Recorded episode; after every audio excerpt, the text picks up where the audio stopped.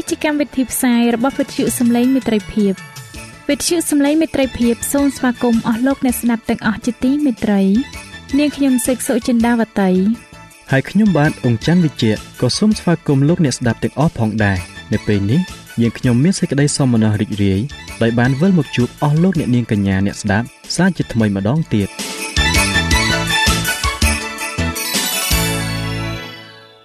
ចា៎លោកអ្នកស្ដាប់ជាទីមេត្រី នាងខ្ញុំសូមគោរពអញ្ជើញអស់លោកលោកស្រីអ្នកនាងកញ្ញាតាមដានស្ដាប់កម្មវិធីផ្សាយរបស់វិទ្យុយើងខ្ញុំដូចតទៅ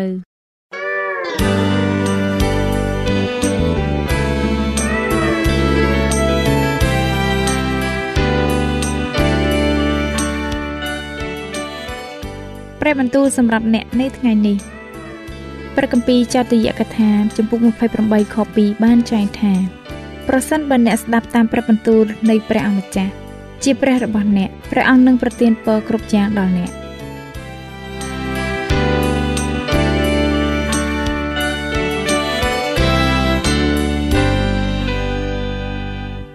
បាទខ្ញុំបាទសូមជម្រាបសួរដល់អស់លោកអ្នកទាំងអស់គ្នា ដែលចូលមកស្ដាប់នីតិសបាស្គូលប្រចាំសប្ដាហ៍ទាំងអស់គ្នាជាទីមេត្រីមេរៀនរបស់យើងនៅសប្ដាហ៍នេះមានចំណងជើងថា ប៉មបាបលសម្រាប់លោកអ្នកដែលចង់បានមេរៀននេះប្រើប្រាស់នៅលើទូរស័ព្ទដៃ Android លោកអ្នកអាចទាញយកបាន តាមរយៈ Play Store ដោយវាយពាក្យថាខ្មែរសបាស្គូលអស់លោកអ្នកជាទីមេត្រី បន្ទាប់ពីទឹកជំនន់រួចមកព្រះគម្ពីរបានចែងអំពីសឹមហាំនិងយ៉ាផែតដែលជាកូនប្រុសទាំង3របស់លោកណូអេសឹមគឺជាឪពុករបស់លោកកាណាន កាណានក៏ជាឈ្មោះ នៃទឹកដីសន្យាផងដែរក្រោយមកព្រះបានសន្យាថានឹងប្រទានទឹកដីកាណានដល់លោកអាប់រ៉ាហាំព្រមទាំងប្រទានពរដល់គាត់ព្រះនឹងប្រទានពរដល់មនុស្សគ្រប់គ្នានៅលើផែនដីនេះ ដោយសារតែលោកអាប់រ៉ាហាំនេះឯងព្រះចង់ប្រទានពរដល់មនុស្សលោកបន្ទាប់ពីទឹកជំនន់ទ្រង់បានបង្គាប់ឲ្យពួកគេបង្កើតកូនចៅរបស់ពួកគេនៅពីពេញផែនដី ប៉ុន្តែមនុស្សបែរជាប្រឆាំងទាស់នឹងផែនការរបស់ព្រះទៅវិញមនុស្សបានតាំងទីលំនៅនៅក្នុងស្រុកស៊ីនើ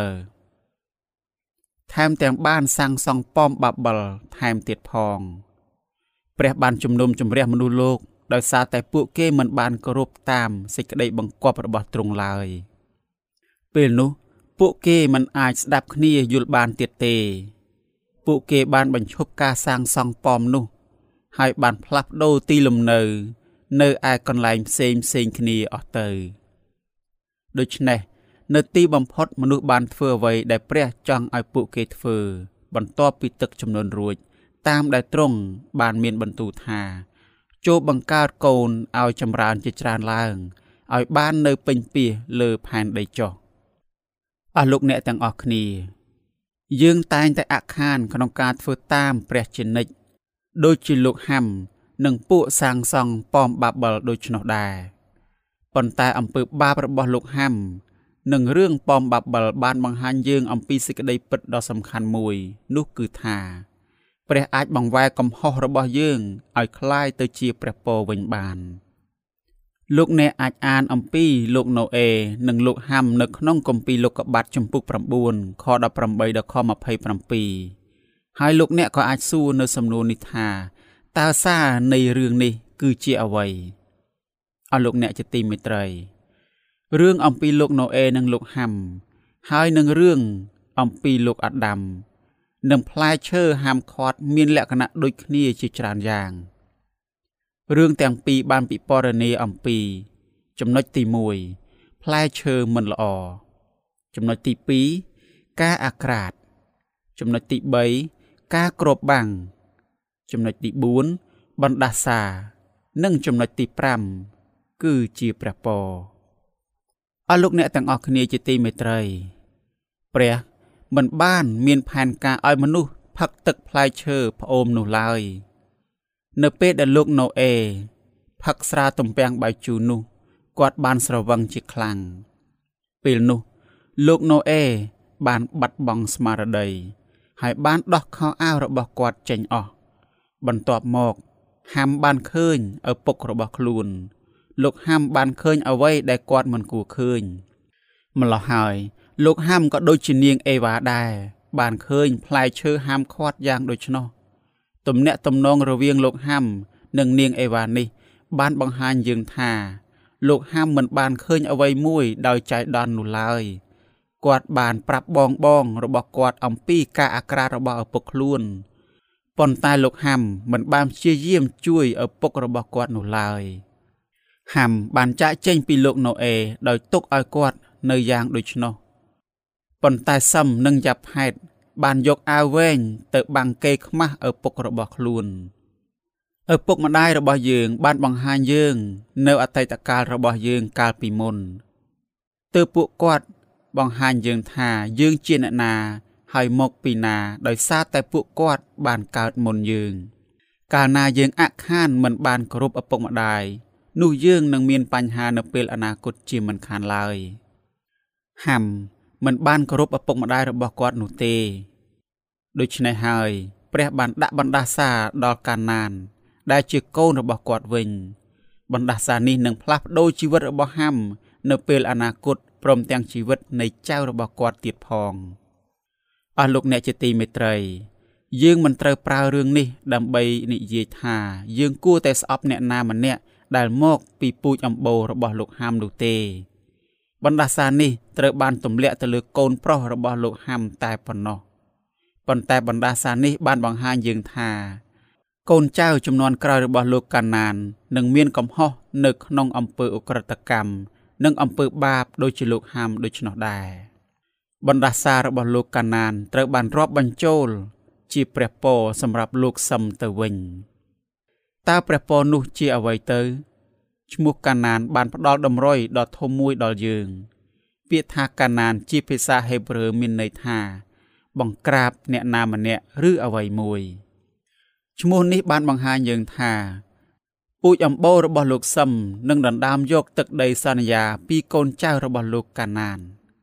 ជ័យជំនះនេះនឹងធ្វើឲ្យរាជរបស់ព្រះអាចរៀបចំផ្លូវសម្រាប់ឲ្យព្រះអង្គសង្គ្រោះយាងមកឯផែនដីនេះបាន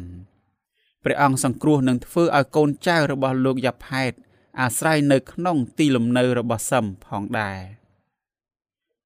នេះគឺជាបទទំនាយមួយដែលបានបង្ហាញយើងថាព្រះនឹងប្រទានព្រះគុណរបស់ទ្រង់ដល់មនុស្សគ្រប់គ្នានៅលើផែនដីនេះដូច្នេះយើងបានឃើញថា នៅទីបំផុតបណ្ដាសា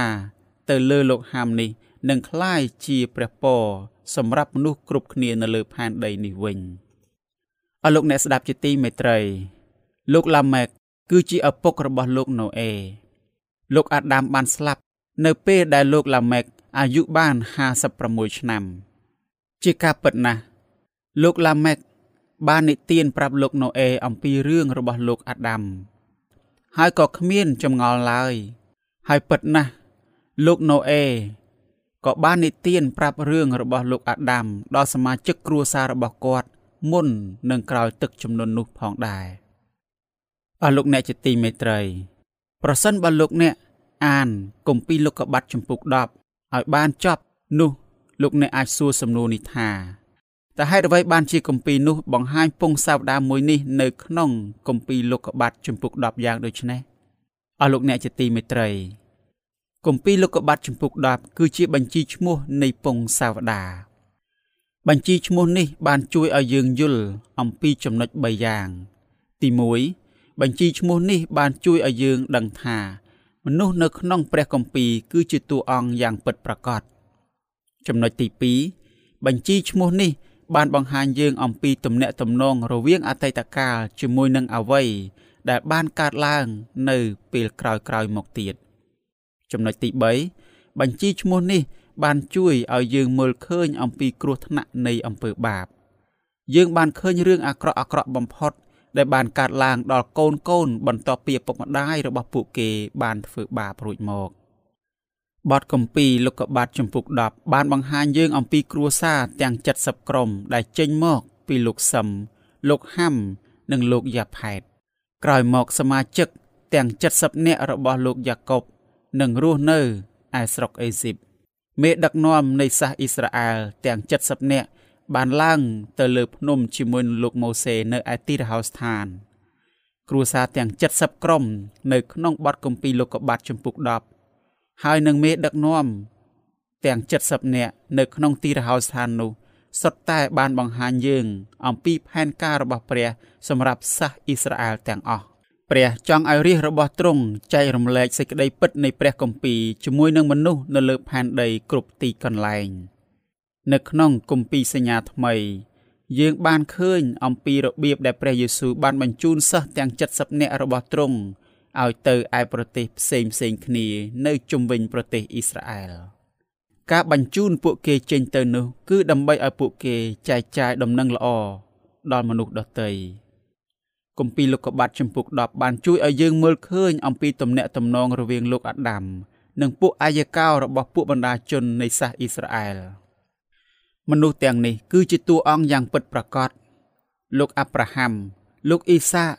និងលោកយ៉ាកុបគឺជាពួកអាយកោ មនុស្សទាំងនេះបានសួរនាំពួកសមាជិកចាស់នៅក្នុងក្រុមគ្រួសារដែលពួកគេទាំងនោះគឺជាស្មោបន្ទាល់ នៃរឿងដែលបានកើតឡើងកាលពីមុនមក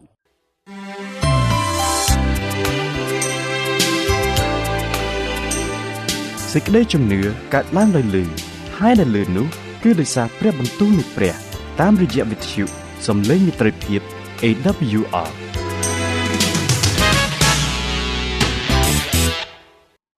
អរលោកអ្នកជាទីមេត្រី លោកអ្នកអាចអានអំពី ពងសាវតានៅក្នុងគម្ពីរម៉ាថាយជំពូក1ខ1ដល់ខ17តែខទាំងនេះ បានបង្រៀនយើងយ៉ាងដូចម្ដេចអំពីមនុស្សនៅក្នុងបញ្ជីឈ្មោះមួយនេះ ពួកគេគឺជាតួអង្គពិតប្រាកដមែនហេតុអ្វីបានជាការដែលដឹងនិងជឿថាពួកគេគឺជាតួអង្គពិតប្រាកដនោះ សំខាន់ម្ល៉េះសម្រាប់សេចក្តីជំនឿរបស់យើងអរលោកអ្នកជាទីមេត្រី ពាក្យថាផែនដីទាំងមូលបានបង្ហាញយើងអំពីចំនួនមនុស្សមួយក្រុមតែប៉ុណ្ណោះមនុស្សបានរស់នៅលើផែនដីនេះបន្ទាប់ពីទឹកជំនន់រួចមកមនុស្សទាំងនេះបានប្រមូលផ្ដុំគ្នាដោយសារតែពួកគេចង់សាងសង់ប៉មមួយឲ្យខ្ពស់ដល់មេឃតើលោកអ្នកបានឃើញអំពីរបៀបដែលមនុស្សបានព្យាយាមធ្វើឲ្យដូចជាព្រះ នៅពេលដែលទ្រង់បង្កើតផែនដីនេះដែរឬទេ នៅក្នុងគម្ពីរលោកុបាទជំពូក11ខ3និងខ4យើងបានឃើញថា គេនិយាយគ្នា ពាក្យទាំងនេះ បានជួយឲ្យយើងនឹកចាំថាព្រះបានមានបន្ទូលនៅក្នុងគម្ពីរលោកុបាទជំពូក1ខ6ខ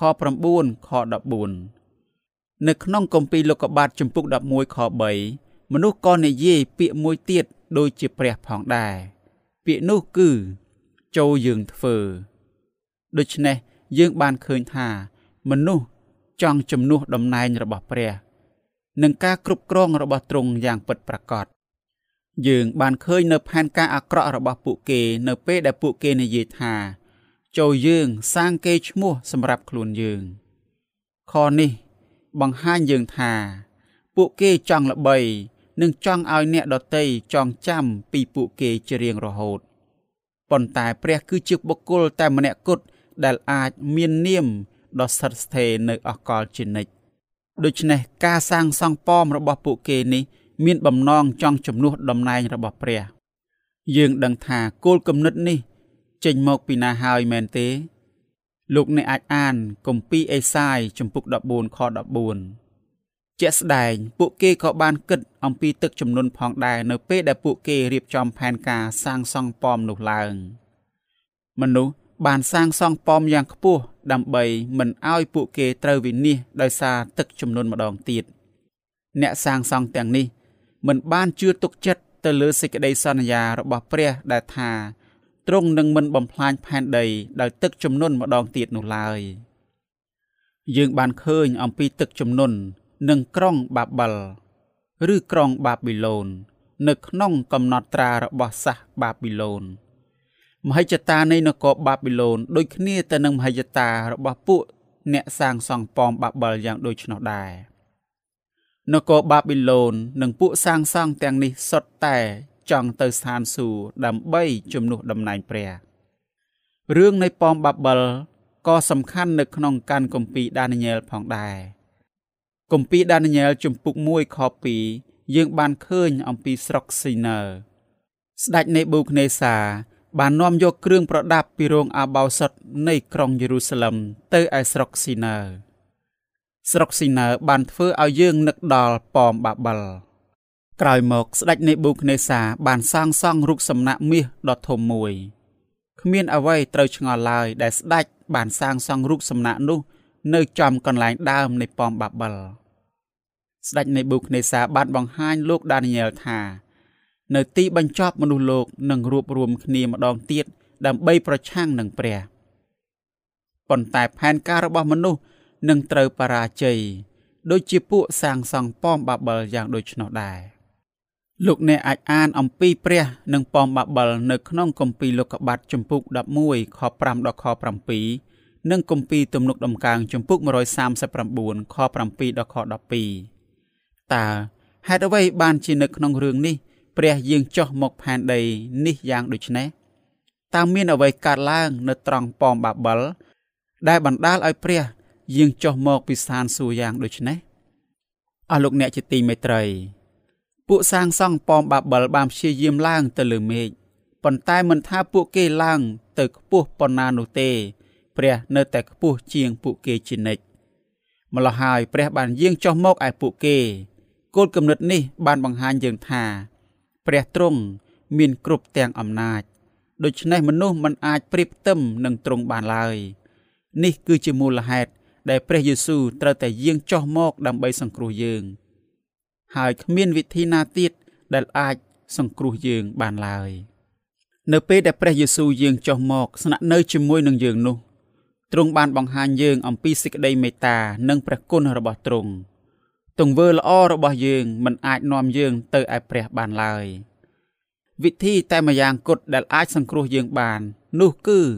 ព្រះត្រូវតែយាងចុះមកដោយសេចក្តីមេត្តាយើងបានឃើញគោលគំនិតនេះ តាមរយៈរឿងស្ដីអំពីប៉មបាបិលដែលមានចែងនៅក្នុងកាន់គម្ពីរលោកុបាទគម្ពីរលោកុបាទបានចែងថា ព្រះបានយាងចុះមកផែនដីនេះចំនួន2ដងដូច្នេះ យើងអាចមើលឃើញថាព្រះបានយកប្រតិយទុកដាក់យ៉ាងខ្លាំងចំពោះអ្វីដែលកំពុងតែកើតឡើងនៅក្នុងចំណោមមនុស្សលោកនៅឯប៉មបាបិលនោះព្រះអម្ចាស់ចង់បញ្ឈប់ផែនការនៃការរួបរวมគ្នារបស់មនុស្សនៅត្រង់ប៉មបាបិលវាគឺជាផែនការដ៏អាក្រក់មួយ ដោយសារតែពួកគេ គឺជាបាបជន ក្នុងនាមជាបាបជន ការព្រមព្រៀងរបស់ពួកគេ គ្រាន់តែអាចនាំរកសេចក្តីអាក្រក់កាន់តែខ្លាំងឡើងខ្លាំងឡើងតែប៉ុណ្ណោះហេតុដូច្នេះហើយ ព្រះបានជ្រើសរើសយកការបំភាន់ភាសារបស់ពួកគេ ពេលនោះពួកគេមិនអាចស្ដាប់គ្នាយល់បានទៀតឡើយ ហើយទីបំផុត ពួកគេក៏បានបញ្ឈប់ការសាងសង់រួចនាំគ្នាចេញពីទីនោះអស់ទៅ នៅក្នុងគម្ពីរលោកុបាទចំពុក11ខ8និងខ9 និងគម្ពីរលោកុបាទចំពុក9ខ1យើងបានឃើញអំពីហេតុការណ៍ដែលបានកើតឡើងចំពោះមនុស្សបន្ទាប់ពីប៉មបាបិលនោះមកព្រះយេហូវ៉ាទ្រង់កំចាត់កំចាយគេពីទីនោះទៅគ្រប់លើផែនដីវិញតើផែនការរបស់ព្រះនេះបានបង្ហាញយើងយ៉ាងដូចម្ដេចអំពីព្រះគុណរបស់ទ្រង់អរលោកអ្នកជាទីមេត្រី បន្ទាប់ពីទឹកចំនួនរួចមក ព្រះបានរៀបចំផែនការមួយសម្រាប់មនុស្សលោក ទ្រង់ចង់ឲ្យពួកគេបង្កើតកូនឲ្យចម្រើនជាច្រើនឡើងឲ្យបាននៅពេញពាសលើផែនដីប៉ុន្តែពួកសាងសង់បានប្រឆាំងទាស់នឹងផែនការរបស់ព្រះទៅវិញ ពួកគេចង់រស់នៅជុំគ្នាជាក្រុមតែមួយហេតុផលមួយដែលនាំឲ្យពួកគេចង់សាងសង់ក្រុងបាបិលនេះ គឺដើម្បីកុំឲ្យពួកគេ បានបែកខ្ញែកគ្នាចេញឆ្ងាយពីទីនោះទៅពេញពាសលើផែនដីទាំងមូលឡើយ មនុស្សបានបដិសេធនិងមិនព្រមទៅកន្លែងផ្សេងផ្សេងគ្នា ពួកគេមានអារម្មណ៍ថា ពួកគេកាន់តែខ្លាំងឡើងខ្លាំងឡើង ក្នុងការដែលពួកគេនៅជាមួយនឹងគ្នា គួរឲ្យសោកស្ដាយណាស់មនុស្សមានបំណងចង់ប្រើកម្លាំងរបស់ពួកគេសម្រាប់សេចក្តីអាក្រក់តែមិនមែនសម្រាប់សេចក្តីល្អនោះឡើយ ពួកគេបាននិយាយគ្នាថា ចូលយើង សង់ទីក្រុងមួយសម្រាប់យើង និងប៉មួយដែលខ្ពស់ដល់មេឃដើម្បីឲ្យយើងបានកេរ្តិ៍ឈ្មោះព្រះយេហូវ៉ាទ្រង់ក៏កំចាត់កំចាយគេពីទីនោះទៅគ្រប់នៅលើផែនដីពពួកគេមិនចង់បែកចេញពីគ្នានោះទេឥឡូវនេះ អ្វីដែលពួកគេភ័យខ្លាចនោះបានកើតឡើងហើយឈ្មោះរបស់ប៉មបាបិលបានបង្ហាញយើងអំពីសេចក្តីពិតនៃព្រះគម្ពីរដ៏សំខាន់មួយ ពាក្យថាបាបិលមានន័យថា ខ្លោងទ្វារទៅឯព្រះ ពាក្យបាបិលមានទំនាក់ទំនងដ៏គួរឲ្យចាប់អារម្មណ៍មួយ ជាមួយនឹងពាក្យថាបាឡាល ដែលជាភាសាហេប្រឺពាក្យបាឡាលនេះ មានន័យថាភ័ន្តច្រឡំមនុស្សបានភ័ន្តច្រឡំដោយសារតែពួកគេព្យាយាម ទៅឲ្យដល់ខ្លោងទ្វារទៅឯព្រះប៉ុន្តែពួកគេមិនចង់នៅទីនោះ ដើម្បីថ្វាយបង្គំព្រះនោះទេ ពួកគេចង់ឡើងទៅដើម្បីជំនួសទ្រង់ពួកគេបានគិតថា ខ្លួនគេនោះឯងគឺជាព្រះ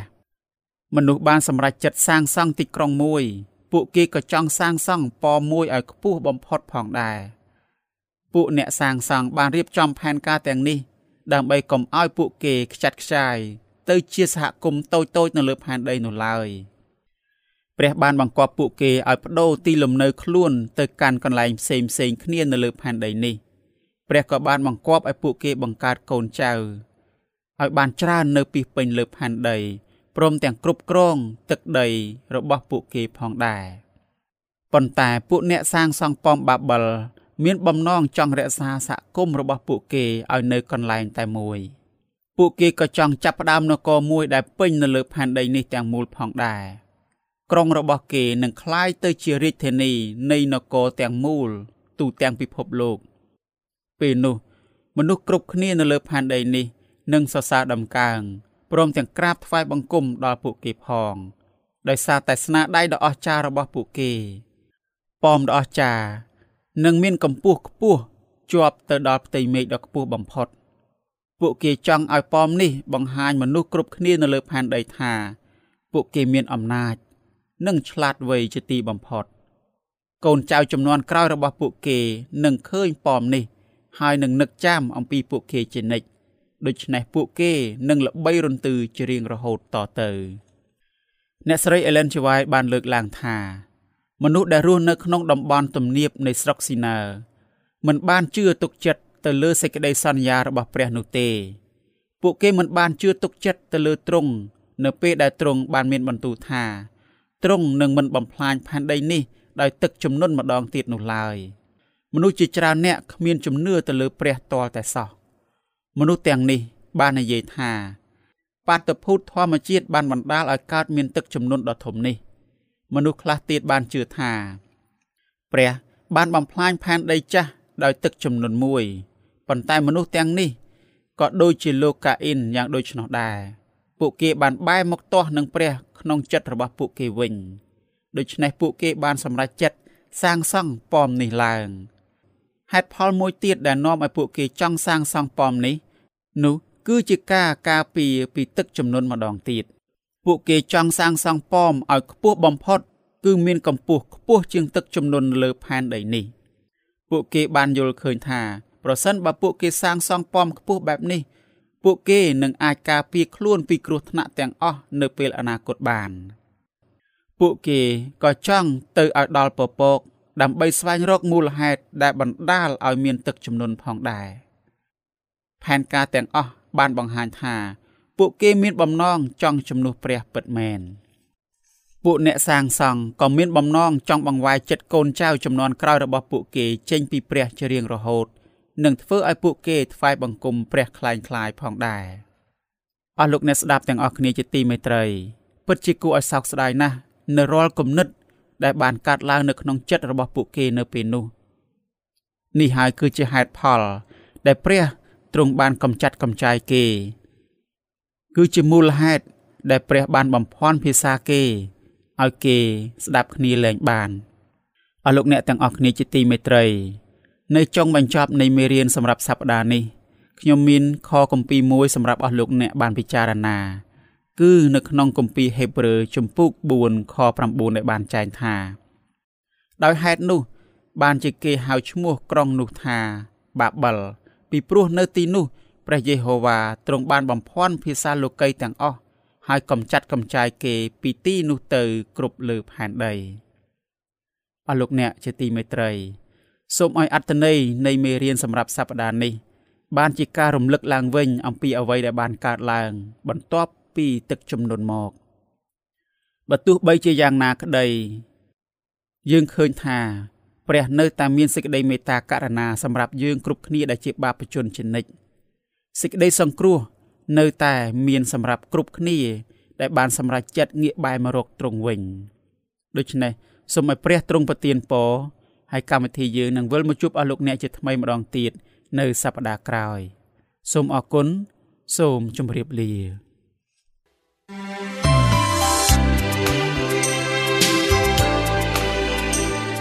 វិទ្យុសំឡេងមេត្រីភាព AWR មានផ្សាយពីរដងក្នុងមួយថ្ងៃគឺព្រឹកនៅម៉ោង6និងពេលយប់នៅម៉ោង8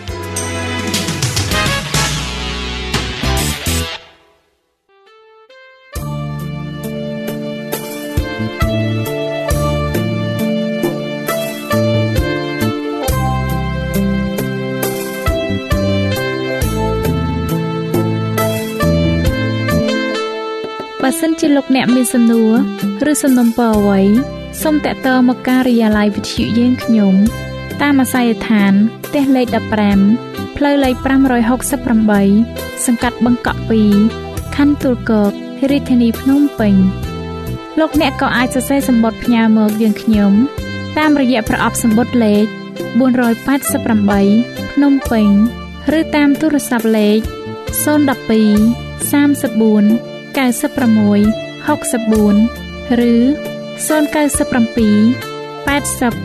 81 060ឬក៏តាមរយៈអ៊ីមែល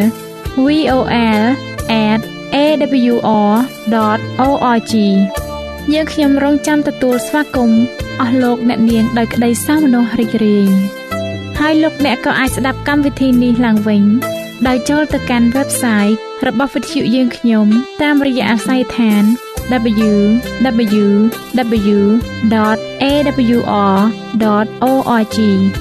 លោកអ្នកនាងកញ្ញាជាទីមេត្រី កម្មវិធីផ្សាយរបស់វិទ្យុសំឡេងមេត្រីភាពនៅពេលនេះសូមបញ្ចប់តែប៉ុណ្ណេះយើងខ្ញុំសូមអរគុណចំពោះការតាមដានស្ដាប់របស់អស់លោកអ្នកតាំងពីដើមរហូតដល់ចប់យើងខ្ញុំសូមជូនពរឲ្យអស់លោកអ្នកនាងកញ្ញាទាំងអស់